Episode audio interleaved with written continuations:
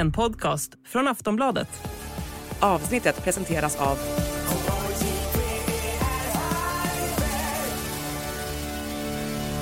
Stödlinjen.se, åldersgräns 18 år.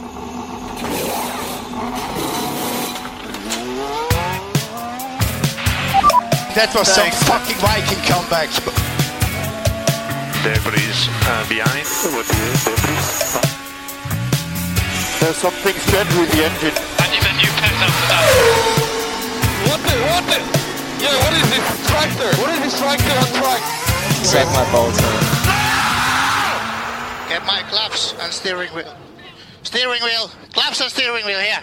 Vi är i mitten av maj och i USA så brukar man kalla det Month of May, eller som när vi intervjuade Marcus Eriksson, han sa Manta May. Alright, så Manta May. Eh, Och jag var tvungen att googla upp vad kunde Manta May vara för någonting. Men Month of May är ju eh, den här månaden som är allt inför Indy 500, det största racing-eventet med den största publiken, alla kategorier i världen. Och just i och med att vi är i Month of May så har vi med en av de största genom alla tider jorden över. Välkommen till Plattan i mattan, Indycar-mästerskapets mästare 98, Indy 500-vinnaren 99, Kenny Bräck. Välkommen hit, vad kul att ha dig med. Tack ska du ha. Tack, tack. Och på andra sidan skärmen så har vi ju även eh, motsvarigheten för motorjournalistiken i Sverige, Anna Andersson. Ja, men tack, vad kul att prata med dig igen Kenny. Det var ett tag sedan faktiskt. Ja, det blir inte så ofta längre. Vi kör, kör ju inte så mycket längre. Men Anna, var du, alltså 20, 99 och 2000 där, eh, då var du igång då eller? Då var inte Anna, An- Anna var inte född då. Jag tänker, Du- för, jag, jag tänker Ja. för att du, i och med att du började liksom jobba när du var typ 16 på eh, Sportbladet så kanske det ändå var någon slags begynnelse. Det kan jag faktiskt säga att jag var absolut igång 1998 och 1999 eftersom jag började jobba på Sportbladet 1995.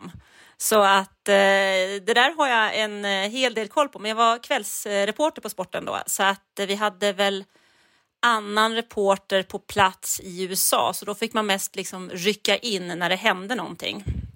Och det gjorde det ju. Det gjorde det väl, eh, minst sagt. Själv var jag, eh, jag är född 89 och det var ju på tiden man liksom inte ens hade kanaler, men jag satt ju och följde liksom sportsändningar och text-tv slaviskt på den tiden.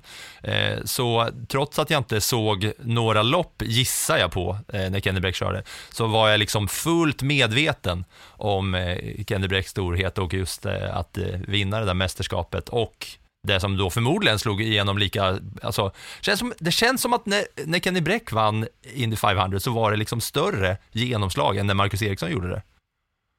Vad säger du Kenny? Det man kan säga kanske är att eh, nu, är- numera är det så mycket informationsflöde hela tiden. Man märker det liksom. Det, det smäller ju till så är det någon som är kändis i tio sekunder och på alla tv-program och det, det matar, matar, matar sådär. Så, det, så var det ju inte riktigt. Det, här, när jag vann var det ju precis i början på internet-eran kan man kanske säga och då tror jag att det blev mer, möjligen lite mer genomslag. Det fanns färre tv-kanaler, det fanns färre radiokanaler och så vidare. Nu är det så mycket med allt. Men eh, jag tror kanske att eh, det beror ju på hur, hur länge man är i hetluften om man säger så. Om du vinner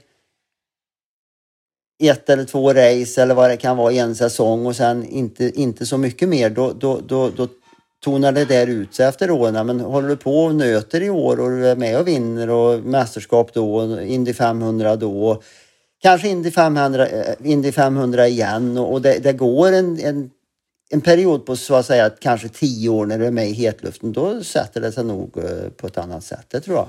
Men du är ju en av få som faktiskt har vunnit både mästerskapet i amerikansk formelbilsracing och Indy 500.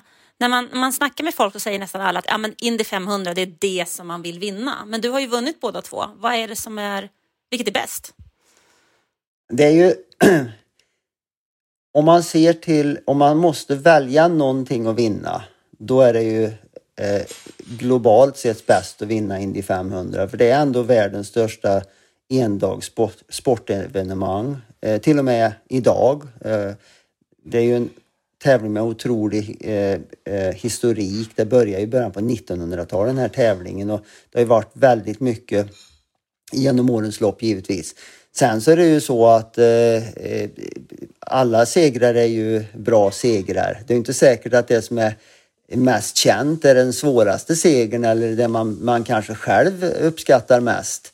Um, men um, visst, jag vann mästerskap på Indy, men jag, jag förlorade mästerskapet många gånger också. Var, jag, jag, vet ju, jag kom ju tvåa i mästerskapet två gånger och det är ju surt, du vet. Eh, så att eh, man får ju vara glad för de där segrarna man får ändå. men, ja, men såklart. Ja. Men vilken, är, vilken seger uppskattar du då allra mest? När du säger sådär så måste jag ju fråga. Ja, det vet jag faktiskt inte. Jag tänker tillbaka på min karriär som ja, med stolthet och det, det, var ju nästan en omöjlig karriär att göra med tanke på vart jag växte upp och med tanke på mina ekonomiska möjligheter och kontaktnät och så vidare och så vidare. Så det var väl nästan, ja det var ju omöjligt att se den resan dit. Så det var ju många episoder efter vägen som var, som var minnesvärda och så vidare. Men, eh, men India är en av, de, en av de största segrarna givetvis. Men eh, jag tycker Mexico City 2002 eh, för Chip Ganassi var det en minnesvärd seger. Jag tycker, jag tycker Chicago 2001 med Bobby Rahal och David Lettermans team, en minnesvärd seger. Eh, Milwaukee. Eh, det, det, finns många eh, segrar för mig som jag håller kärt. Eh, första kartsegern i, vart var det, Japan eh, 2001. Ehm, så det var då, alltså för, för en som, eh, för kanske några som våra lyssnare som inte har följt Indy lika mycket som de har följt, följt Formel 1. Indy, Car och Kart och Indy Racing League. Hur fasen såg det där ut? För du var väl en del av när det hette alla, olika, alla olika möjliga kombinationer där? Ja, jag kom ju in mitt i, mitt i ett krig kan man säga mellan två eh, ligor. Um, man kan väl säga att det var nästan som om du skulle... Ja, det, det var ju två konkurrerande ligor på den tiden, Indycar. Den ena hette eh, Indy Racing League, Indycar, den andra heter Kart, Indycar. Kart, det var inte go-kart som många tror utan det är eh, Championship Auto Racing Teams. Um, och de här ligorna de tävlar ju mot varandra då. Så jag börjar ju då att köra i ena ligan och sen, sen hoppar jag över till den andra för jag ville ju köra mot alla förare om man säger så. Uh, så jag körde ju bägge ligorna. Och sen uh, ja, jag höll ju på där bort i en sju, åtta år och, och körde de där två klasserna. Hoppade lite fram och tillbaka. Men det var inte bara jag som gjorde det. Det var ju en del andra förare också som gjorde det givetvis. Så att, eh, men så såg det ut. Men nu idag så är det Indycar som är alla de här tre så att säga, eller hur? Ja, två. Två, två ligor. Ja, sen så exakt. För, för eh, jag kommer inte ihåg årtalet nu, 2008 eller 2009. Eh, tror jag det var, så gick de tillsammans igen. Indycar köpte upp eh, kartserien helt enkelt och eh, slog ihop alltihopa igen. Och sen nu för ett par år sedan så köpte ju Roger Penske både Indianapolis Motor Speedway och Indycar-serien då, ligan. Ja. Du, innan vi, vi brukar göra så att när vi har gäster så brukar vi ha en liten, en liten frågemall som vi utgår ifrån och det brukar vara väldigt inte strikt att hålla sig kring den här mallen utan man hamnar på villovägar ganska, ganska snabbt där. Men när du sen säger Indianapolis Motor Speedway så vill jag ju ändå bara nämna den här tröjan som jag, som jag råkade se fladdra förbi när du flyttade kameran lite. Jag såg att det var en eh, schackrutig eh, schackrutig flagga på. Är du för, för evigt liksom, eh, har du forever supply av eh, indiekläder? nej, nej det tror jag inte, men jag är ju en väldigt, eh, du vet jag går ju nästan aldrig klädd i något annat än t-shirt och jeans och liksom, jag är ju ganska enkel sådär. Och då, då har ju, jag gillar vintage t-shirter, eh, vintagekläder. Och um, Indy har jäkligt fina t-shirts när det gäller just vintage-stilen i både feeling på material och, och, och utseende och så vidare. Så jag brukar uh, ta med ett par kasser hem varje år. För, för, för som gammal mästare så, så blir man ju bjuden av banan över till tävlingen varje år. Uh, och det är ju inte nödvändigt, uh, det är inte obligatoriskt att du är med men det är ju en det är ju moraliskt obligatoriskt att du är med. Så varje år så brukar jag åka över på Indy och så tar jag med ett par kassar hem med t-shirts. Det är väl inte astråkigt heller att få åka och kolla på det, liksom det största sporteventet i världen varje år? Nej, nej, det är det inte. Du vet, det är jättekul. Uh, givetvis. Och sen är det ju kul att träffa alla gamla. Det blir som en familj det här, du vet. Det blir ju, man, man upplever så mycket tillsammans under så många år. Och Eh, jag menar, jag pratade med AJ Foyt här för eh, ett par, ja någon månad sedan. Tyvärr dog hans fru här för en kort tid sedan. Och, eh, honom körde jag ju för då i slutet på 90-talet och Bobby Rahal pratade jag med ofta och eh, Chip Ganassi och, och, det är många som, och mekaniker och, och tekniker. Eh, så man släpper ju liksom inte taget kring den här, de här, den här familjen på något sätt. Det, det blir som en liten familj kan man, ja. Det blir liksom golfens motsvarighet. Golfens motsvarighet är ju när man vinner US Masters och får slänga på sig den här gröna kavajen och för evigt bli inbjuden till eh, liksom inför middagen där. Okay. Det är liknande för, för er alla som, eh, som någonsin har vunnit den där. Det måste finnas några äldre herrar där som har varit med ett tag också eller? Ja visst, det gör det. det är ju, ja, alla blir ju inbjudna då som, som har vunnit tävlingen så vi brukar ha såna här middagar. Eh, någon kväll då och, och, det är ju, det är ju Parnelli Jones är väl den äldsta nu men, men det var många andra som, har, som har så att säga gått bort under årens gång. Al Anser, um, Senior, uh, Bobby Anser uh, och de här middagarna blir ju, ja det blir ju, man, man flyttas ifrån den yngste till tyvärr uppåt i åldrarna om man säger så. Och, men, men, det, är, det är en riktig pangmiddag då eller? Va?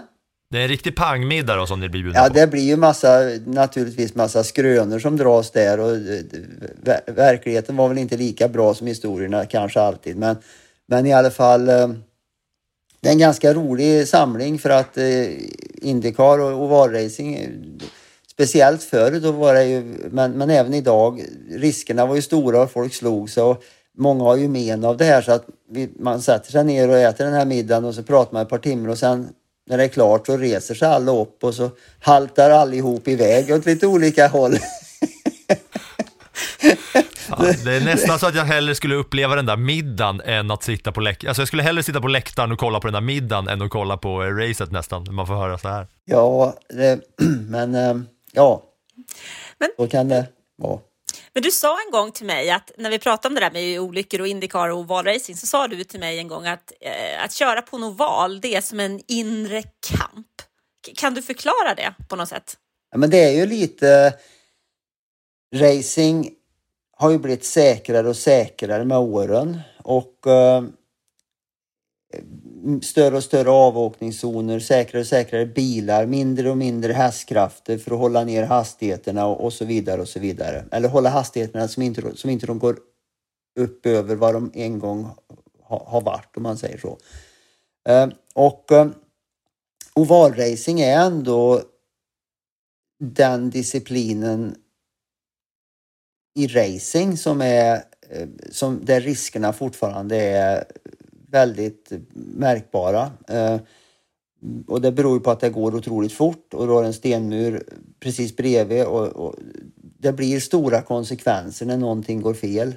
Och ska du åka riktigt fort på en, på en oval då, då, då måste du ligga precis på gränsen och, och det kan räcka med en liten vindpust ibland så händer det något där man får fullt upp och korrigera. Va? Så att det, det är en inre kamp på, på ovaler på ett helt annat sätt upplevde jag i alla fall, än när du kör en vägbana till exempel. Om man ska plocka ner det på normala människors nivå som aldrig har raceat så skulle det kunna vara att man är i Sälen och vill åka väggen, men den är lite för brant. Så åker man fram till kanten och tänker jag vill åka, Eh, jag vågar inte, men så gör man det ändå. Ja, så skulle man kunna säga lite grann. Att det är bara det att man vet ju när du drar i en mur på en oval att det kan vara den sista muren du drar i på något sätt. Va? Um, så att det, det är den, den eh, aspekten försvinner lite grann tror jag på, på vägbanor till exempel och den har väl försvunnit skulle jag vilja säga i racing som helhet mer och mer och mer och mer. Om du tittar på Formel 1 idag och sådär. Det är ju, jag minns ju när jag var med Marcus. Um, jag tror det var 2007. Han skulle köra Formel BMW. Och vi kom till spa. Och jag sa till Marcus, nu får du hålla tungan rätt i mun här på spa för att här är det liksom räcken runt om. Drar du av någonstans här då är det ingen liten olycka utan det, det blir, det blir en massa eh, konsekvenser. Sen när vi kom till spa, jag hade ju inte varit där på 10-15 år, ja då var det ju som en stor parkeringsplats utanför varje sväng eh, liksom avåkningszoner och asfalt och räckena var flyttade. Och jag kände ju inte igen mig. Så jag, det var ju, fanns ju inga risker som jag såg 2007. Men det var inte riktigt lika såg mitten på 90-talet för då, då stod de här räckena precis vid banan och det var ju när jag körde sist där. Så att jag skulle vilja säga att ovalracing är troligtvis den enda formen av motorsport idag som där riskerna är riktigt överhängande. Jag ser, det, jag ser det alltid på samma sätt när man kollar tillbaks i historien på gamla förare och, och, och rejäla krascher och sådär. Och särskilt nu när du berättar om spa till exempel.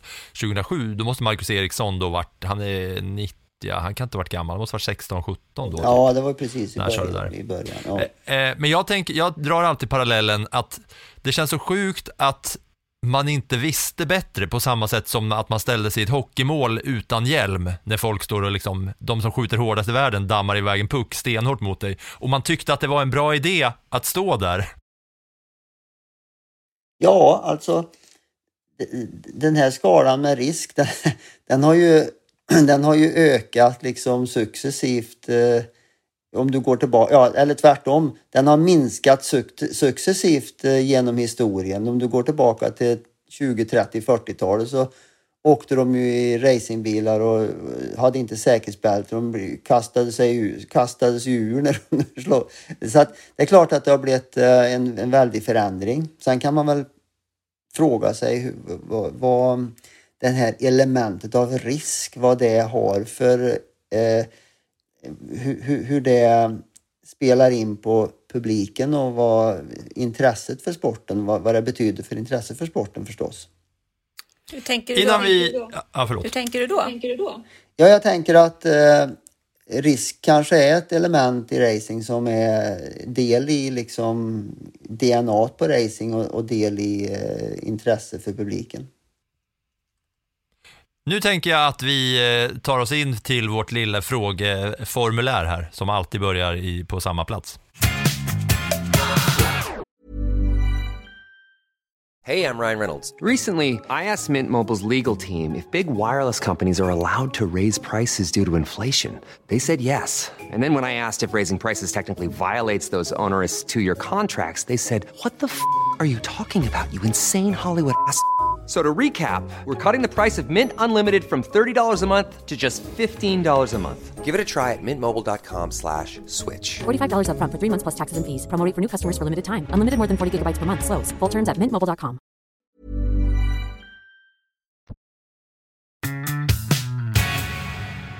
Och då brukar det snabbt gå förbi punkt ett som är fullständigt namn på dig. Men då eh, har jag googlat mig till att du är född Per Sennybräck. Ja, jag var inte född med det namnet, men Nej. det var, det var det namnet jag fick i alla fall.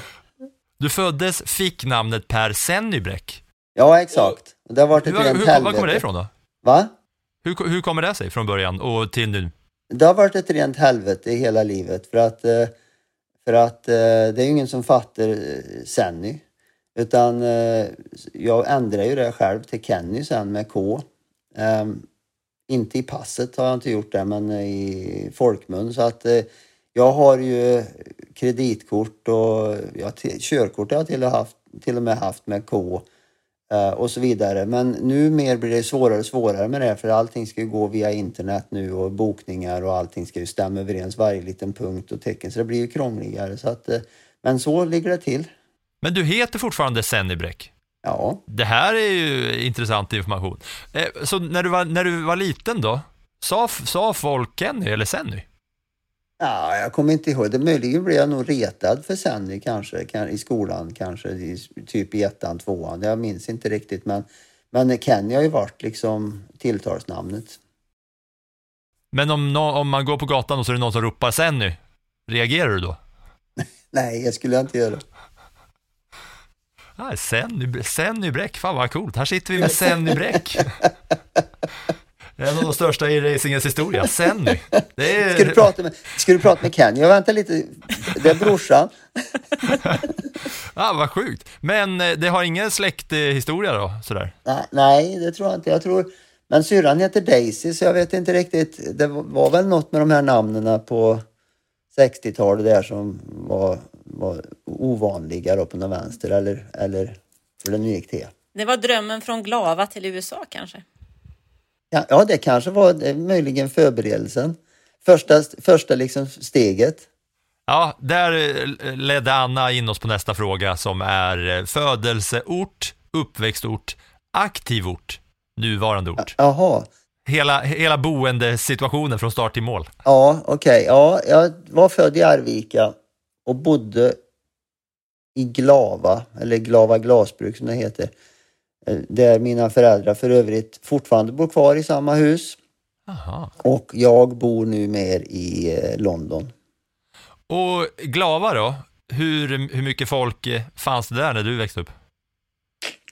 Ja, det fanns väl ett par hundra eh, människor eh, någonstans, någonstans just i byn där jag växte upp. Eh, det var inte mycket folk, det var det inte. Men när man Och kom... man kunde köra bil som man ville.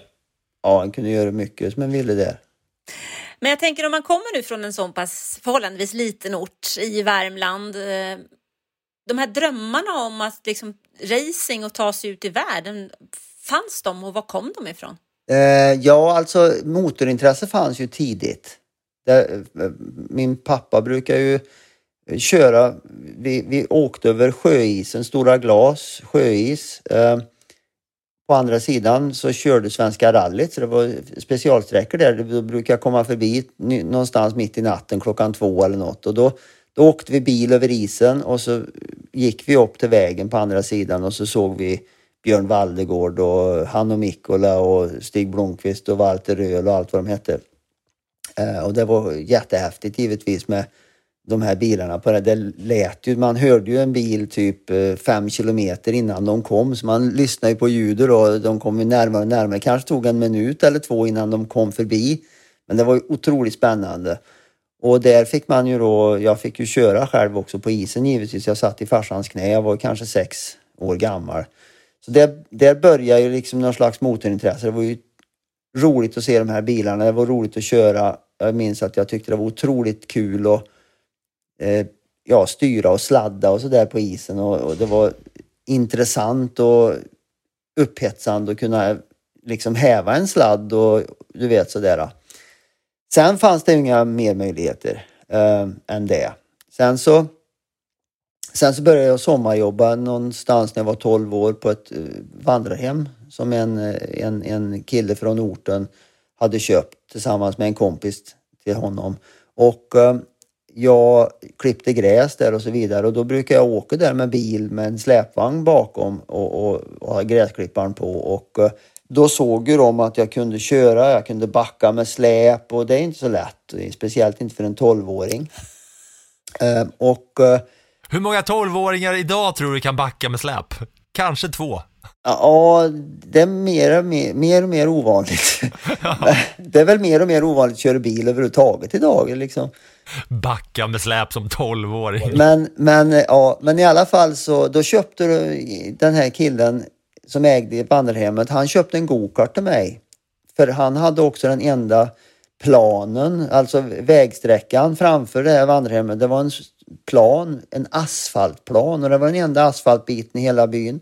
Så att där körde jag såna här uppvisningar med gokart för de här skolungdomarna som kom till vandrarhemmet. Va? Och sen fick jag ju lära mig att mecka då förstås och sen så åkte vi och körde lite gokarttävlingar. Men det blev inte så många. Det kanske blev sex, sju tävlingar om året, vilket eh, givetvis var väldigt lite om man jämför med de som höll på med det där. De hade ju hela familjen inblandad och de kanske åkte 30 tävlingar per år, 30 helger och de såg det som en sån här, du vet, eh, semestergrej nästan. För min del var det lite jobbigare för jag fick ju göra all mekanikerjobb själv och jag fick ju jaga fram någon som kunde köra med de här tävlingarna om inte min, eh, han som ägde vandrarhemmet kunde köra mig och så vidare. Så att det var lite mer pyssel runt detta för min del. Men han startade min racingkarriär i alla fall och var min mentor sen i många år. Så honom har jag väl att tacka för just, just det faktiskt. Han heter Nils-Arne Johansson. Och, eh, Var det Glava det här eller? Ja, det var ju Glava. Sen då var det en lång väg förstås resten och det fanns, det fanns inget riktigt mål med liksom Det är klart man drömde om och hur- möjligen rallyt tror jag möjligen att jag drömde om men sen blev det racing av någon anledning som var väldigt långt ifrån där jag kom ifrån. En racingbil hade man ju inte sett i typ Glava. Eh, rallybilar däremot syntes ju då och då i och med att Svenska rallyt gick och det var, rally är ju mer landsorts eh, mycket, många på landsorten som gillar rally och så. Nils Arne däremot hade ju vunnit ett riksmästerskap i Formel Ford så han hade ju lite racing ehm, erfarenhet och var duktig att köra. Hade kört lite rally också. Så han styrde väl in mig på rally, eller förlåt mig, han styrde väl in mig på racing. Ehm, och um, hjälpt mig till att, till att börja med också förstå det kommersiella eh, värdet eller utmaningen. Alltså det är ju väldigt dyrt med, med, med motorsport och man måste ha sponsorer. Och hur ska man få tag på det? Jo, man måste ha någonting att sälja som är värdefullt för företagen att köpa och så. Så han var ju en väldigt eh, viktig person för mig då för att lära mig allt det här eh, och sen ut och sälja det givetvis då till olika företag. Och man fick ju vara väldigt eh, uppfinningsrik för att få ihop de här pengarna liksom. Jag minns till exempel, jag hade sponsor, eh, en sponsorföretag som heter OLV. De gör chips, kommer från De Filipstad. tror, jag- de tror jag man, man känner till. Ja, och Varenda en. Men inte att de är från Filipstad. Nej, ja, nu vet jag inte. Då var de det i alla fall. De, de är därifrån, men de kanske är uppköpta nu. Men marknadschefen där i alla fall, han sa ja, det, för jag var ju där och försökte sälja in mig då som en reklampelare förstås. Och han sa att eh, ja, det är jätteintressant, men du vet, vi har inga pengar liksom. Nej men eh, sa vi, vi kan väl, eh, kan du inte betala med chips? så så det, det visar, det, i slutändan så blev det så att han, han sponsrade mig med en hel släpkärra med chipskartonger. Ja, chips i kartong. Och jag hämtade en stor släpvagn och upp till Filipstad och hämtade jättemånga såna här lådor med chips och sen stoppade jag in dem i lägenheten. Jag hade en liten lägenhet, jag tror den var 13-14 kvadratmeter i Karlstad. Så jag kunde inte ens sova i lägenheten för den här lägenheten var full med chipslådor.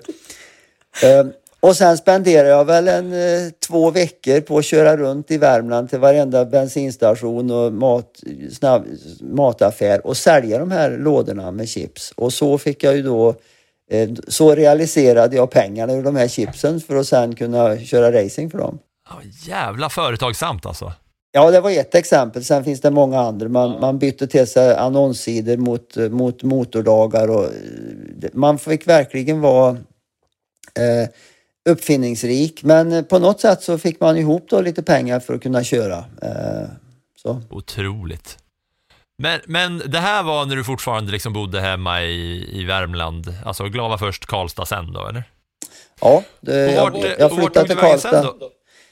Under aktiv, alltså under indie-åren, vart, vart eh, bodde du då? Ja, ja eh, jag, jag eh, bodde ju i Glava först och sen, sen så körde jag ju Formel Ford och då bodde jag i Karlstad. Jag flyttade till Karlstad när jag var 18 år. Ja, sen kom ju militärtjänstgöringen in i bilden. På min tid var, på min tid var det ju um, obligatoriskt att göra militären. Men det passar ju dåligt om du håller på med en sportkarriär. Du vet, du kan inte ge upp ett år för det, det har man liksom inte råd till. Så jag fick ju uppskov en fyra år. Men sen hade jag på känn att det uppskovet kommer inte att bli så bra nästa gång liksom. Så då, då flyttade jag till England precis innan jag skulle in i militären och då blev jag friställd ifrån militären. så då bodde jag i England något år um, och körde Formel Ford och sen kom jag tillbaka till Sverige och sen eh, när jag körde Indy och Indycar då bodde jag ju i USA men det var ju inte förrän 1997 så det gick ju några år. Mm. Men du, varför blev det Indy och inte Formel 1? Den frågan har jag fått mängder med gånger. Att varför körde aldrig Kenny Beck Formel 1? Ja, det var ju... Um, det var ju... Jag hade ju... tror jag hade tre olika erbjudanden att bli testförare. Benetton, eh, McLaren och eh, Ligier fanns det ett stall som hette på den tiden. Och eh, Ligier hade en teamboss som samarbetade med Volvo och Volvo och Renault var eh, sponsorsamarbetspartners till mig. Jag körde ju Renault Clio Cup och massvis med grejer och, och så vidare. Eh, men även formelbilar givetvis. Men då, då eh, kändes det som att det kändes som att Liger var ett bra Formel 1-stall att börja i för att McLaren hade eh, Mika Häkkinen och David Coulthard och de hade en, en bra föruppställning. Benetton hade också en bra för, föruppställning och eh, Liger hade en okej okay föruppställning men, men som jag tyckte var ganska, det skulle kunna gå att komma in där. Och jag hade även ett erbjudande om att, eller ett, er, ja, ett erbjudande att köra nästa år. Alltså eh, testa år ett och, och, och tävla år två. Eh, sen så, så jag skrev på det där avtalet med, med Tom Walkinshaw och Ligier i Frankrike och var på någon presskonferens nere i Monaco och så vidare mm, på, på, på 1996 tror jag det var. Sen blev Tom Walkinshaw utsparkad ifrån Ligier och han köpte Arrows Formel 1-stall. Och det var ju det sämsta stallet på griden. Eh, Ligier var ju ändå ett middle of the road-stall som man kunde komma in och så att säga starta sin karriär i. Men Arrows var ju det sämsta som fanns. Så jag körde den där bilen några gånger och det, det, var, ja, det var, tyckte jag, kass. Um, och... Um, Hade du så, kört formelbil då? Ja, ja visst. Jo, men jag tävlade ju Formel 3000 och ja, just det, just det. Jag, jag, led, jag var ju... Jag, ja, jag vann ju... Det hade gått snabbare att köra Formel 3000-bilen än att köra den där... Eh... Ja, ja nej, lite så tyckte jag att det var, då, det var dålig ordning tyckte jag. Det, det funkar inte bra. Så jag sa upp mig helt enkelt och sa till Tom att det här det här kan jag inte hålla på med längre. Och, eh, och det var väldigt liv kring detta för det var jag tyckte ju inte han var så roligt förstås. Eh, men, Nej, men, du var väl under kontrakt eller? Ja, ja visst, och han, han skickade mig en faktura på typ 500 000 dollar för Formel 1-testning. Aha. Eh, och det hade vi inte kommit överens om. Så jag skickade en faktura tillbaka på 500 000 dollar för Formel 1-förarservice. så, så sa jag till henne att vi kan väl kreditera de här fakturorna mot varann. så, var, var det så alltså? Då gick det till. Men du, du var liksom dåtidens Oscar Piastri, så att säga? Ja, jag vet inte. Det var, det var, det var lite cowboy. Men eh, i alla fall så, det var anledningen till att inte det blev Formel 1 för mig. Eh, därför att eh, hur den historien gick till. Och efter det så eh, åkte jag till USA och eh, jag fick faktiskt något erbjudande till i Formel 1 att köra för något eh, stall som jag kommer inte ihåg vad de hette nu men det var jag tror Lola gjorde ett Formel 1-stall med någon Mastercard-sponsring eller något sånt där. Men jag tackade nej till det också för jag kände att det var liksom det gick inte att få ihop saker och ting på det här sättet tyckte jag. Utan jag åkte till USA och där var det ju Um, inte mycket bättre. Det var ju tvärstängt allting. Um, inga sitsar öppna och de som hade sitsar de ville ju ha massa pengar för dem förstås. Och jag hade ju inga pengar. Jag hade, inte, jag hade ju inga pengar till att liksom köpa in mig i Formel 1 eller Indycar för det var ju jättemycket pengar det kostade. Um, Även om den racingen jag höll på med var också dyr. Formel 3000 som jag körde i Europa och så. Det kostade ju jättemycket pengar också men nästa steg är liksom fyra gånger, ja tio gånger mer kanske. Det är tillräckligt mycket så att man kan skita i en faktura på 500 000 dollar. Att bara, ja ja, vi gör väl skit i det där. Och, så pass mycket pengar i alla fall. Ja, exakt. Ja. Eh, så jag hängde runt där bland de här stallen och, och liksom um, knackade på dörren var och varannan dag och de var ju jättetrötta på den här svensken som hängde runt där och tjatade förstås. Och, eh, och då var det inte bättre än att eh, det bar sig inte bättre än att en förare blev skadad i en krasch på, i Florida i, i, i Indycar. Och, eh, och då kom stallchefen till det här stallet och sa att ja, du har ju hängt och hängt och hängt här så vi ska göra en däcktest nästa vecka i Phoenix. Så det här är inte ett erbjudande om att få köra för oss, det är ett erbjudande om att få prova testköra en Indycar-bil.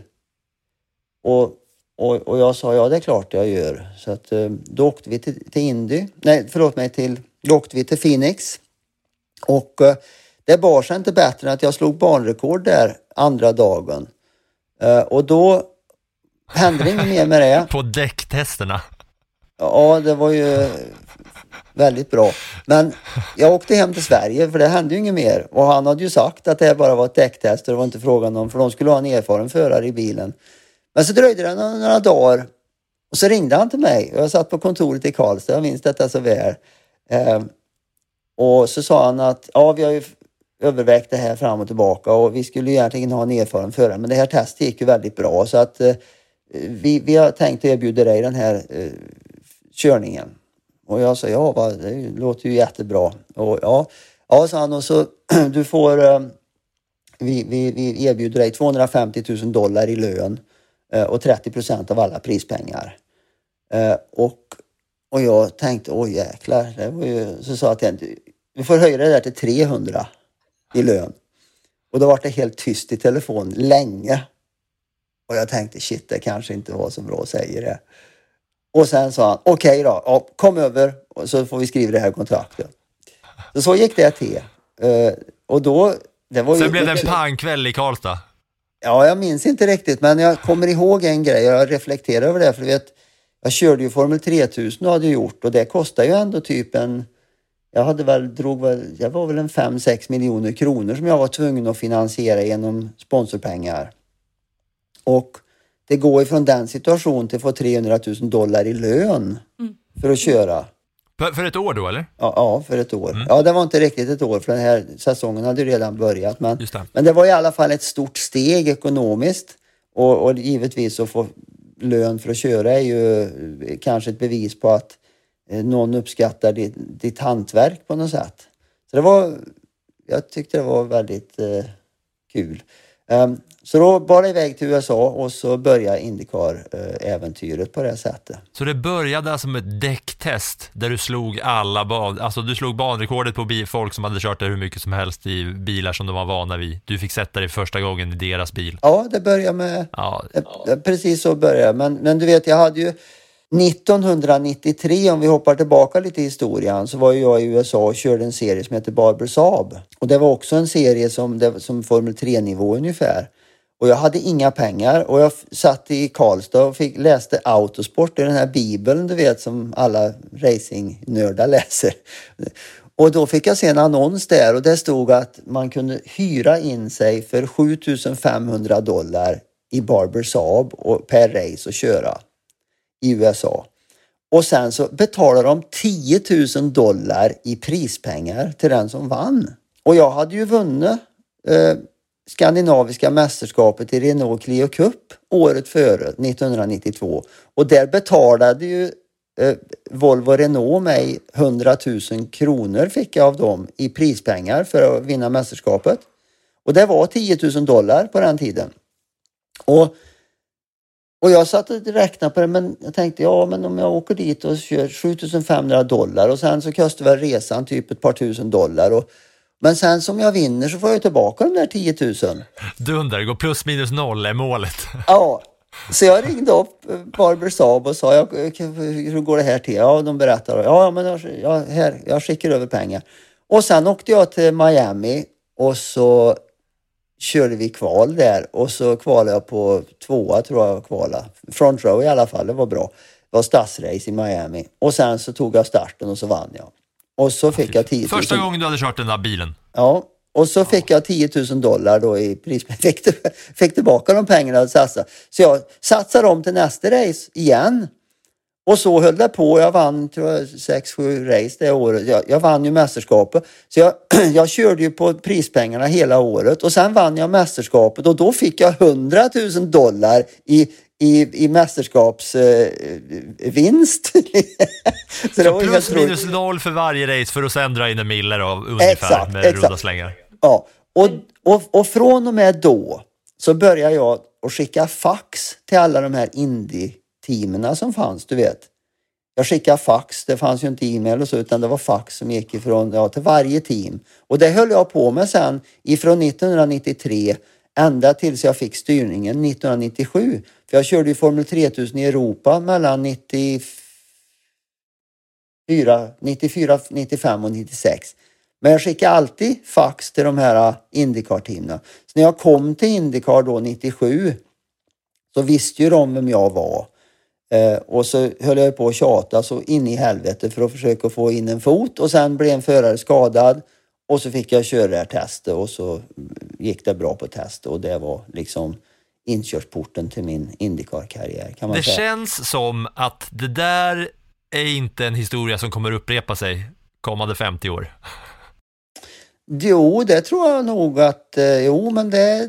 Gå till chipsaffären, få chips, gå runt i affärerna, sälja chipsen för att kunna finansiera racingen, åka och köra plus minus noll för att vinna mästerskapet. Ringa varje dag som ensamförare. Ah, jag vet inte fan. Ja, det, det, visar ju å andra sidan, det jag tycker är helt underbart med den här historien, det visar ju, för många säger att du kan sätta vilken racerförare som helst i vilken bil som helst och vinna. I många serier, till exempel Formel 1. Bäst bil, ja då vinner du. Men att ta sig dit, det är ju det som är en stor grej, att ta sig hela vägen till toppen, för det kräver ju så otroligt mycket mer än att kunna gasa och bromsa. Det kräver ju en entreprenörskänsla och en, en, ett engagemang och en eld, höll jag på att säga, för att man ska liksom jag måste vara affärsman på rätt ställe för att ta rätt beslut hela vägen upp. Det blir ju som en kedja på något sätt. Jo, det, det gör det, men det är ju ingen gör ju det här. Jag gjorde ju inte det här ensam heller. Det är klart att det var många på vägen som, som var med. Jag menar Nils-Arne Johansson som var mentor från början. Jag har, haft, jag har haft en otrolig tur i livet för jag har haft folk kring mig av någon anledning som har kunnat mycket mer än vad jag kan om olika saker. Även idag affärsmässigt och eh, investeringsmässigt vad det nu är. Så jag har mentorer som är otroligt duktiga och det är ju livet är ju ett universitet, det är ju en skola, bara du omger med, med rätt eh, människor. Eh, men, men jag tror att eh, jag tror att det här att man kan komma in i racingen eh, till högsta nivå. Det är klart att du måste ta rätt beslut efter vägen, absolut. Men du måste också kunna köra och, och sätta de här utropstecknen när det behövs. Eh, hade jag inte slagit banrekordet 1997 på Phoenix eh, där när jag testade, då hade jag ju inte fått någon Indycar-styrning. Så, så, enkelt är det. Så att det gäller att slå till, det gäller att, att smida medan järnet är varmt. Jag bara tänkte på det här, 97 där, första säsong, 98 så blir det en titel väl? Och 99 ja. så blir det en seger i eh, Indy 500. Det går ju himlans fort där, men då sitter ju du sen år 2000 egentligen ska ju du tillbaks till Indy 500 på ett sätt som Marcus Eriksson ska tillbaks i år. Med vilka tankar hamnar man liksom då som, som regerande mästare i den här Month of May och Indy 500? Ja, nu gjorde ju inte jag det vet du för att för att eh, först kan man väl säga att det är väl ingen som har, jag tror inte att det är någon som har vunnit Indy 500 två år i rad. Det finns ju de som har vunnit Indy 500 fyra gånger men det är ju en, under en period på 30 år. Så den är ju en svår tävling att vinna. Det är mycket, det är mycket eh, tillfälligheter som, som styr och så vidare. Och inget är omöjligt. Någon gång ska det vara den första men jag tror inte att någon har vunnit två år i rad hittills. Men jag körde ju inte Indy 500 år 2000 därför att jag bytte serie. bytte du Jag- serie, Jag, bytte just det. serie, ja. Mm. Så att jag kom ju tillbaka till Indy 500 eh, när var jag tillbaka dit igen? 2002 tror jag. Så två år så, så, så höll jag upp ifrån Indy 500. Sen kom jag tillbaka år 2002. Och så körde jag 2003 och sen så hade jag ju en olycka i slutet på 2003 års säsong och sen kom jag tillbaka till Indy 500 eh, 2005. Och 2005 var ju också en sån här när man pratar om att smida medan järnet är varmt så det var ju viktigt för mig. Jag skulle göra comebacken efter olyckan och jag vet ju hur, hur, hur sånt går till i att eh, om, om man gör en comeback som blir medioker så får man en stämpel på sig att jo, jo men han var bra men du vet den här olyckan det är ju ingen som kan köra bil efter det. Det, det är ju, förstör ju psyk och allting. Så, så, blir det om inte det går bra. Um, så när jag skulle göra den här comebacken så visste jag ju att jag var tvungen att ha ett riktigt bra team. För annars kan man ju inte vara med eh, i toppen. Och jag hade erbjudande att köra redan vid ja, jul, jul, nyår före 2005. Men jag tackade nej till det för det var såna här team som körde bara Indy 500 i ett race och sen är de borta. Va? Och jag väntade och väntade och väntade och inte fan var det, kom det någon styrning till mig från något etablerat stall. Så jag, det, tävlingen startade ju till och med 2005. Eh, och då var ju, blev det ju som så att min ersättare i Team Rahal, eh, eh, Letterman, Buddy Rice, han ersatte ju mig 2003 när jag slog mig. Han hade en olycka på träningen och eh, bröt nack, en nackhota. Så han kunde ju inte köra tävlingen och då ringde Bobby Rahal till mig på kvällen och sa du, eh, jag vet ju att du vill köra Indy och Eh, Buddy har blivit skadad och ja, du är vårat första choice om du vill köra. Och, så jag gick ju ner i källaren och bara tog racingoverallen och så drog ju jag till Indianapolis. och sen så satt ju jag i bilen två dagar senare och, och då kvalade ju jag snabbast i fältet. Eh, den, den eh, inför kvalet 2005. Och eh, i och med att den speeden fanns där så, så öppnade sig sen möjligheten för mig igen att fortsätta. Paul Newman ringde ju på måndagen efter Indy 2005. Även om jag bröt race med tekniskt fel så, eh, och erbjöd mig att jag skulle köra deras bil, Newman Haas-bilen, eh, i eh, Milwaukee redan helgen efter. Som jag då i och för sig eh, tackade nej till för jag sa till honom att jag, eh, jag måste nog tänka över hur fan jag ska göra med framtiden. Men, men, men det gäller liksom att smida medan järnet är varmt. Det är en, Ja. en talang Vi, som är vi, bra kan, vi kan inte bara låta dig säga att jag var med om en liten olycka och sen inte nudda vid det mer. För att det var inte en liten olycka. Hur pigg och frisk du än sitter här idag så är det ju den sjukaste olyckan i typ racingens historia med någon som kliver ut levande utan, eh, eller med livet i behåll. Jag klev ut gjorde jag inte direkt. men- Nej, men eh, nu, du, kan, du kan kliva ut genom dörren idag i alla fall, Ja, om, idag kan om, du, kliva. om du så vill. To make this all happen, he's got to be thinking inside his cockpit right now. Inside his helmet. Big crash! Major, major incident. Kenny Breck getting way high up into the fence. There is the scene around Kenny Breck as the medical personnel from the Indy Racing League work over him and try to stabilize him. But still, resulting in a, uh, a lot of damage to the car. Hopefully, no at least life-threatening injuries to Kenny Breck. Vi pratar här alltså, om man googlar då bara, eh, most, alltså flest G-krafter, krasch genom alla tider, så är det fortfarande än idag den kraschen som har haft flest G-krafter i, där du i eh, Texas var det va, flyger upp i nätet och snurrar ja, ett par tusen varv känns det som när man ser de där bilderna. Men det är ju så du vet, om du... Det spelar ingen roll hur många race du vinner eller hur, hur, hur fort du kör ett varv och varvrekord och allt. Alla de här rekorden de blir ju förr eller senare slagna. Eh, men eh, ska du ha något rekord som står sig så ska du göra något som ingen vill göra. Och Ja. därför, därför har jag världsrekord fortfarande i antal G. Kanske att det kommer stå sig för evigt också. Ja, det vet man inte. För att, man, för att det blir, som vi var inne på förut, säkrare och säkrare och Ja. att man inte låter dem eh, köra så fort det bara går. Ja, jag vet. ja, vi får väl se. 214 G-krafter tror jag att jag googlade mig fram till va? Ja, det stämmer. Och det säger, alltså man kan ju dö vid fem. Ja, det kan det säkert göra. Eller ja, man kan väl dö om man är ute och går på gatan också, visserligen. Men alltså, det, det går inte att förklara 214 G-krafter för en person som inte har upplevt en enda va? Inte den som har upplevt det heller, vet du, för man, man kommer ju inte ihåg det. Nej. Nej, och det har jag också, det har jag också sagt, att eh, du har liksom inga minnen av själva eh, kraschen. Men, men den här då som du idag, ett par år senare, nämner som jag var med om en liten krasch. Det var ju alltså, ja, den sjukaste kraschen Ja, det, det var det ju på ett vis, det, det stämmer.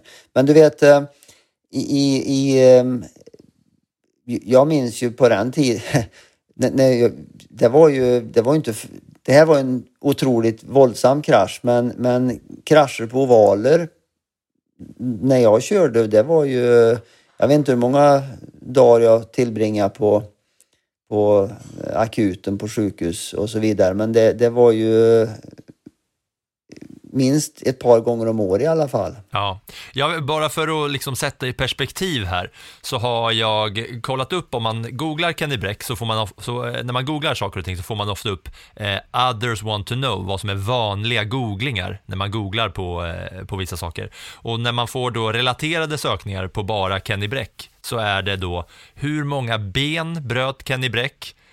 Var kraschade Kenny Bräck? Hur många G-krafter utsattes Kenny Bräck för? Hur många ben bröt Kenny Bräck? Eh, ja, sen är det några andra roliga också. Kan Kenny Bräck sjunga? Hur mycket prispengar är in det och så vidare. Men det här med benbrotten, det var ett par va? Det var många benbrott, det var det. Det, var, det, det blev ju tyvärr...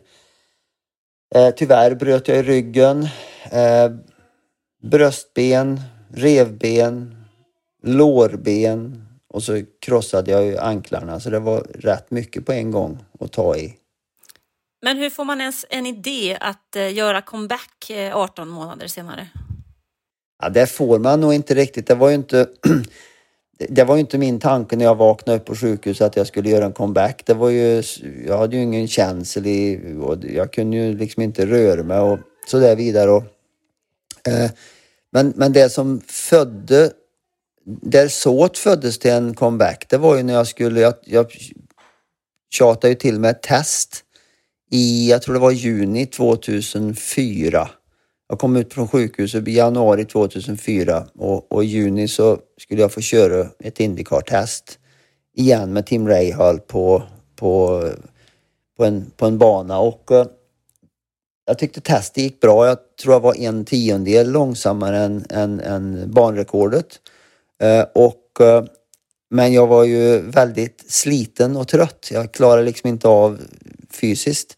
Ehm, men men när jag åkte hem därifrån testet så tänkte jag att det här finns möjligheter att kunna klara bara jag, blir, bara jag får tillbaka fitnessen. Eh, så jag åkte hem och då slutade jag med, jag, jag, för mig jag åt lite tabletter fortfarande för, mot såna här ledstyvheter och grejer. Så jag slutade med allt det och blev jättestel i kroppen typ i två veckor. Eh, men sen, sen så, jag tränar väldigt hårt, eh, började att göra på, på gym och, och, och, och, cykla och armcykel alltså för att få upp konditionen för jag kunde ju inte springa och sånt, det gick ju inte med mina, eh, med mina fotleder. Men så jag tränade som en galning därifrån typ juni till eh, och framåt och när jag kom framåt i eh, november, december 2004 då kände jag att jag, jag kan klara det här. Så där, där, då föddes den här tanken om comebacken. Och det var lite det jag ville belysa bara, vilken jävla bedrift det var att inte, som du sa det, en liten olycka och sen så var det comeback, utan det, krä, det, det här förtjänar liksom en förklaring till vilken jävla bedrift det var att sätta sig i den där bilen igen. Ja, det var, det var ju när du, när, du har, när du har olyckor som blir så, så stora så eh, när du blir sängliggande länge. För jag låg ju vet du i tre månader på sjukhus. Kunde ju inte gå och inte röra mig och så. Då blir det ju, jag vägde ju min matchvikt på den tiden. Den var ju 70 kilo och det var ju liksom supermuskulöst tränat. Eh, när jag hade legat på sjukhus där typ en två veckor, ja då vägde jag typ 50 kilo. Det var nästan skinn, det var bara skinn och ben kvar. Eh, och sen så, så, för att ta sig tillbaka till matchvikt, det, det, det, tar, sitt, det tar sin tag. Det gör det. Men du, någonstans eh, när man har pratat med lite folk kring Indy så, där, så sägs det att det är Indianapolis Motor Speedway som väljer vinnaren av Indy 500. Det är liksom inte föraren som, som bestämmer. Men med vilken, eh, med vilken tankar och med vilken strategi och med vilket mindset ska man kliva in i den tävlingen för att klara av att bemästra den? Ja, jag, jag brukar säga att man kör inte mot konkurrenterna i första hand där, utan man kör mot banan. Ehm, därför att det går så pass fort hela tiden och när det gör det så, så, så minsta lilla temperaturskillnad gör en stor skillnad på balansen på bilen. Ehm, solen kanske lyser och sen går, det, går solen i moln. Direkt känner du en skillnad i balansen i bilen. Ehm, det blåser ifrån olika håll och man måste hela tiden ha eh, ha med sig de grejerna, de här externa elementen. Det är de man kämpar emot där på Indy. Mer än sina konkurrenter egentligen. För att det är ett långt race, det är 80 mil. Eh, så att man, man måste så att säga ha fullt fokus på alla de grejerna för att ha en chans. Ha, har, man koll, har man koll på det då, när man sitter där och kör och så är det soligt och sen så, alltså när du då kör i de här jävla hastigheterna upp mot 400 liksom, har du då koll på, nu går solen i moln, nu måste jag göra lite mer så här eller så här? Ja, man, man har koll på det, men, men, men då är det ju lite, det är lite för sent att börja tänka på det då, utan man måste, när man, man, när man testar och tränar så, så måste man köra i olika eh, Eh, olika eh, väderförhållanden och lära sig hur man ska ställa in bilen så att om det blir eh, ett väderförhållande på ett vis eller ett annat, att man har utrymme att kunna justera balansen i bilen för att passa det mesta. Du vet, när jag körde där, jag hade ju förmånen att köra för, med AJ Foyt eh, i, i två år och han Idag sköts ju det mesta i racing via datorer och ingenjörer och så. Eh, det finns väl ingen ingenjör idag som kan allt om alla områden på en bil utan det, det är stora team och många är specialister på, på just ett litet område. AJ Foyt han kom ifrån en, en tid när man var tvungen att kunna allting eh, för att få ihop en racevinst. Och han, var, han är en av legendarerna, har vunnit tävlingen fyra gånger och när jag körde för honom så lärde jag mig jättemycket. Han blev ju en racingpappa för mig nästan. Ehm, och ehm, han, när vi körde på Indy till exempel så kunde han gå ut och titta på hur, hur träd, det stod ett träd i turn one på Indy på den tiden och han tittade på det här trädet och kunde han komma in och säga att nej, nu, det är ingen idé att köra just nu för, för det trädet blåser på ett visst vis och då vet jag att det, det är ingen idé. Det, det, är bara att utsätta oss för risk. De som är ute och kör nu, de lär sig ingenting och därför kör inte vi. Vi stannar. Så vi kunde sitta en hel dag och inte köra medan andra var ute och körde. Men det visade sig att den kunskapen han hade, den stämde. Det var ingen idé. Det var bara att utsätta allting för risk. Fan otroligt, på grund av ett jävla träd. ja, men de, han, han var ju otrolig på det sättet. Man, man tog ju sina re referenser på ett annat sätt då. Ja. Nu gör man inte det så mycket för nu har man eh, andra verktyg och så. Men, men det var en väldigt lärorik tid. Det känns som ett mentalt spel också på något sätt. Ja, det är ett mentalt spel. Racing är ju, racing är ju väldigt mentalt. För om du tänker om du tänker typ att du åker Vasaloppet till exempel, så kan du träna så du blir lite bättre tränad. Då kan du göra en skillnad i tävlingen. Men i racing så skulle jag vilja säga att om du är de flesta kan träna sig till en tillräckligt bra fysik för racing. Om du sen tränar så du blir lite bättre fysiskt så kommer du inte att vinna tävlingen enklare. För tävlingen är ju en viss längd. Så har du bara kondition att kunna köra träningen och lite till och styrka och så, då, då, då, då går det inte bättre om du orkar köra en och en halv tävlingsdistans. Det mesta sitter i skallen i racing. Eh, hur man tar sig an en uppgift och hur man förbereder sig och ehm, hur, man, hur man går in i ett, i, i ett, ett mentalt läge för att kunna prestera max när det väl gäller.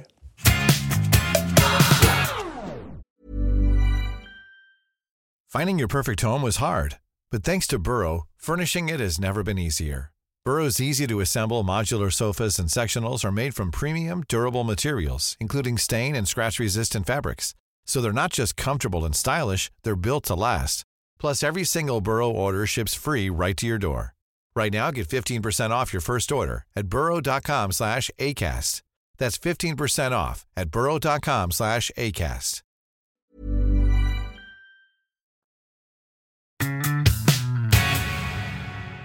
Jag undrar, snabbaste hastigheten du någonsin kört på banan och även privat? Um, 410 kilometer i timmen körde vi på när vi utvecklade en bil för McLaren här för några år sedan eh, på Cape Canaveral på, på den här landningsbanan där de landar de här rymdfärjorna. Raketerna. Ja, Vadå, det här är nyligen? ja, ett par år sedan. 410? Ja, Vad fan, eh, det är ju... Det är det snabbaste du kört, liksom, så att säga, på, på bana under kontrollerade omständigheter. ja, det tror jag. Ja, hur, hur, hur känns det då när det, när det är liksom si och så många år som har gått från karriären när du har kört i de hastigheterna tiderna? Men det, hastigheten i sig har ju liksom, det, det är ju så, kö, köra fort rakt fram, det är ju liksom bara ett spel mellan hästkrafter, luftmotstånd och vikt. Det är inte så svårt. Det är bara, ja. Ja, jag tror, eh, jag tror Lillavis snackade om eh, också 410 kilometer plus. Snabbaste du någonsin kört? 408 kilometer i timmen på Le Mans innan de hade la in chikanerna. Men sen när vi berättade för Marcus Eriksson, då sa han nej, den där gamla gubben, det är gamla skrönor. Ja, men vet, de här gamla gubbarna, de, de hittar ju på, du vet, det där var säkert 350, sen varje år så har det där gått upp några kilometer, gått upp några kilometer och nu är det så här, ja, det var nog 400 någonting. Jag tar det med en nypa salt. Desto äldre jag blir, desto snabbare var jag. Och eh, privat då? Privat? Ja, det, Ja. det här var ju privat. Ja, ja, men det var väl ändå på, på bana. Jag tänker, Alltså, du menar på- ja, du men- menar på ja, men, vägen? Ja, när du trimmade motorer i Värmland. Nej, och- det kan jag inte svara på faktiskt. Jag vet inte. Jag vet inte, men det var väl någonstans, måste väl ha varit på autobahn då när man har kört 320-350 någonstans kanske. När man, ja. Det är inte långsamt. Vilken var din egna eh, första bil som du ägde själv? Ja, det var en Saab 92, eh, tvåtaktare. Trecylindrig som jag köpte tillsammans med min kusin när jag var tio år gammal. Eh, som vi hade på en grusväg bakom morsan och farsans hus och det gick jättebra i tre veckor tills farsan märkte att hans bil började på, han drack väldigt mycket bensin tyckte han så då gick han och tittade och då fick han ju se när jag slangade ur bensin i en 10 liters och sprang genom skogen och då följde han efter och fick se att jag hade en bil där och då då, då blev den konfiskerad den bilen. Men eh, det var första bilen, Saab 92. Men vadå? Du, köp, du och din kusin eh, köpte en bil när ni var 10 år gamla. Jajamän. Ja, han var 13. Ja, och du var 10. Ja. Utan att dina föräldrar visste om det här. Ja, Och vad fick ni betala då? Kommer du ihåg det?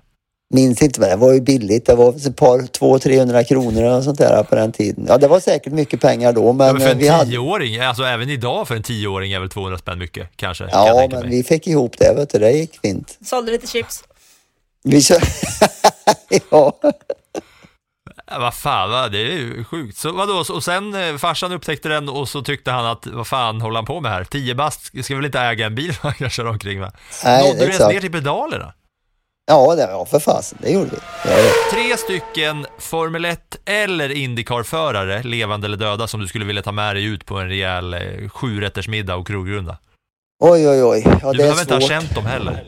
Nej, nej, jag förstår. Eh, det var- hade väl varit kul med James Hunt. Eh, och och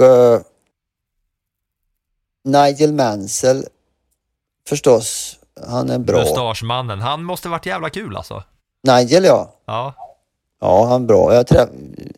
Det var ju...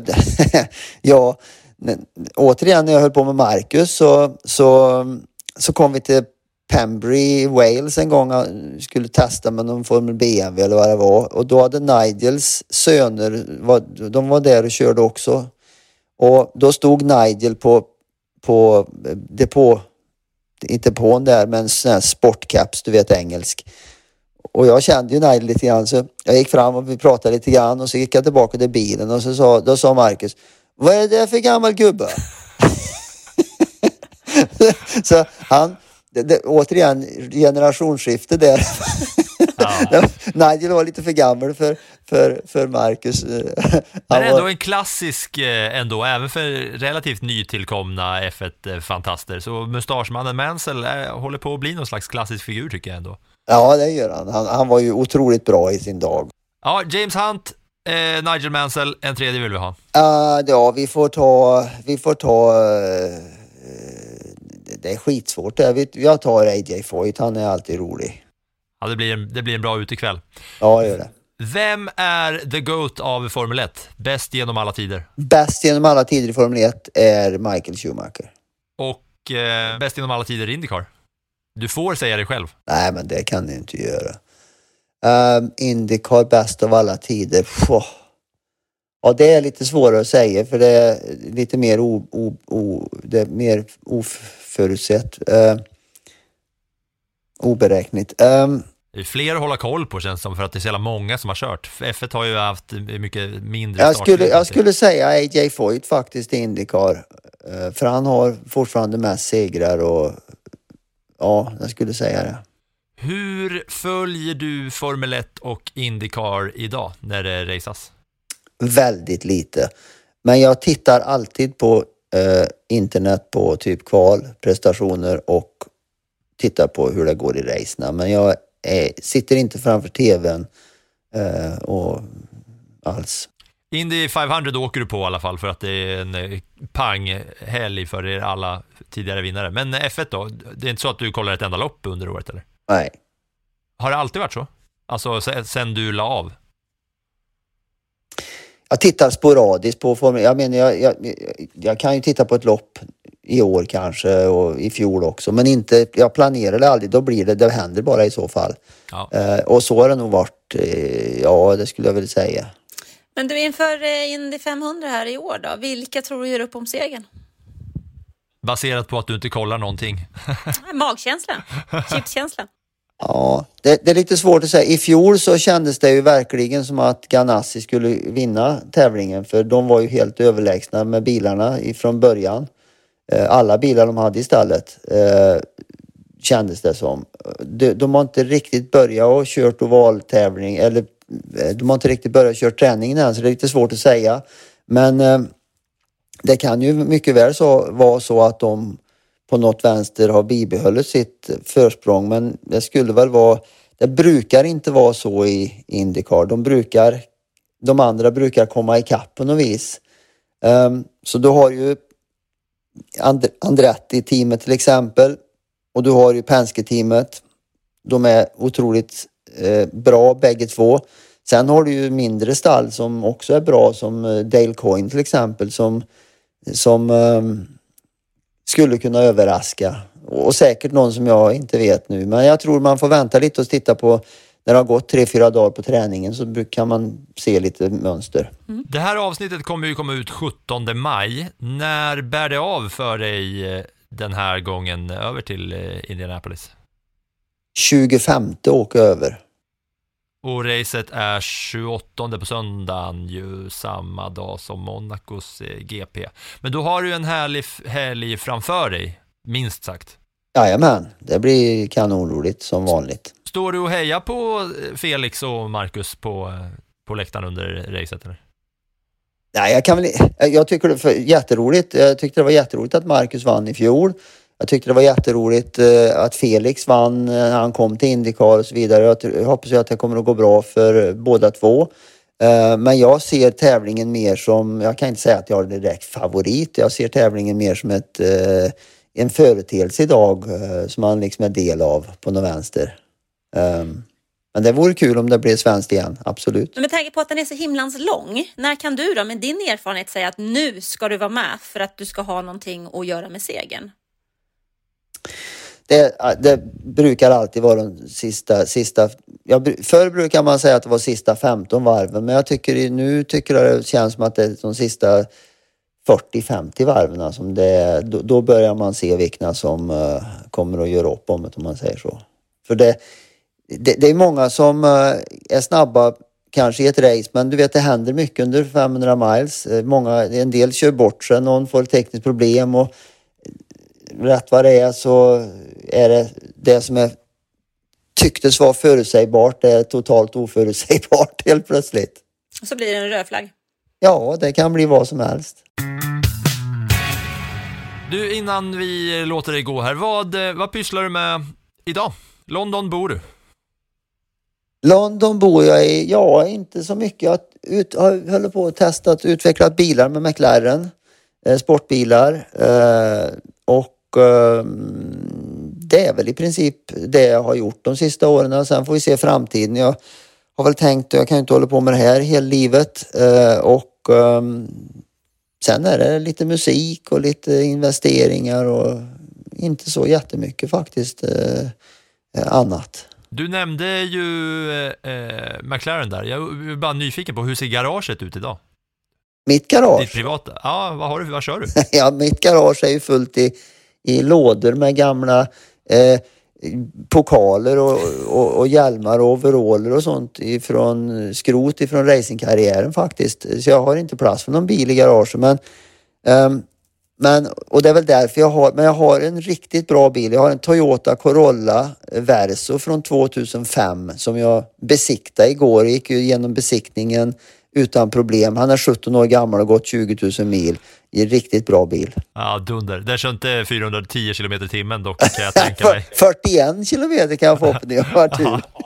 eh, eh, mäter man till och med miles per hour, miles per hour i England? Det kanske man gör. Men du, eh, om vi ska avsluta med någon eh, låt där Kenny Bräck lirar då. Det ska ju sägas för den som kanske inte har koll på att Kenny Bräck också har eh, haft gitarren runt eh, halsen genom alla de här åren och lirade med, eh, var det Paul Schaefer Flintisen hette i Letterman när du var med i husbandet där? Ja, jag spelade med många, många. Vi hade ju, körde ju racingband och spelade på varenda race. Vi hade ju Howie D och vi hade ju Mike Anthony från Van Halen och vi hade jättemånga eh, gäst, gästartister med oss. Vet du. Så vi höll på. Spelar du strata eller?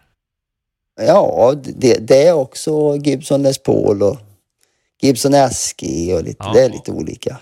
Mm. Jag är med själv en eh, tele, telekille. Ja, det ja, en tele. De är, det är kanon. Ja. Eh, om vi ska gå ut på en låt där Kenny Bräck spelar då?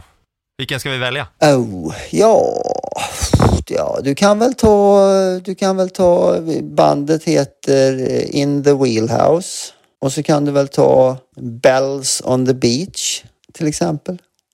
Vad betyder det då? Bells In the Wheelhouse förstår jag, det är bandet eh, och det har ju någonting med racing att göra.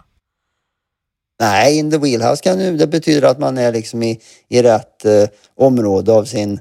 Eh, you're in the wheelhouse. Du, du är, ja, du är liksom i, i, i, din, i din, i ditt... Eh, på ditt ställe liksom. Ja. Mm. Ja, men då, eh, då tackar vi jättemycket. Per Senny Bräck, en av Sveriges racings största genom alla tider. Och eh, så kliver vi ut till tonerna av där du spelar gitarr då. Det blir bra. Ja, härligt. Tusen tack. Tackar. Hej, hej.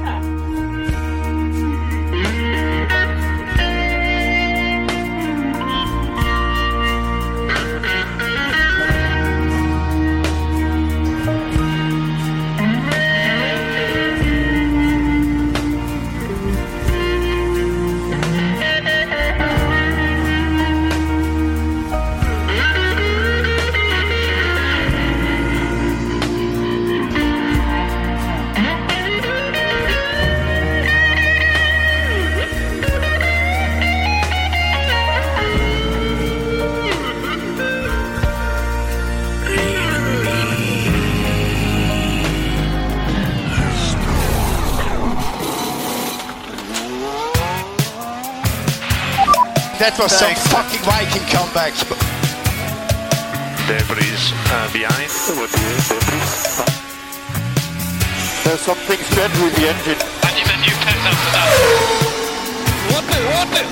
Yeah, what is this tractor? What is this tractor on track? Suck my balls man. Get my claps and steering wheel. Steering wheel. Claps and steering wheel here.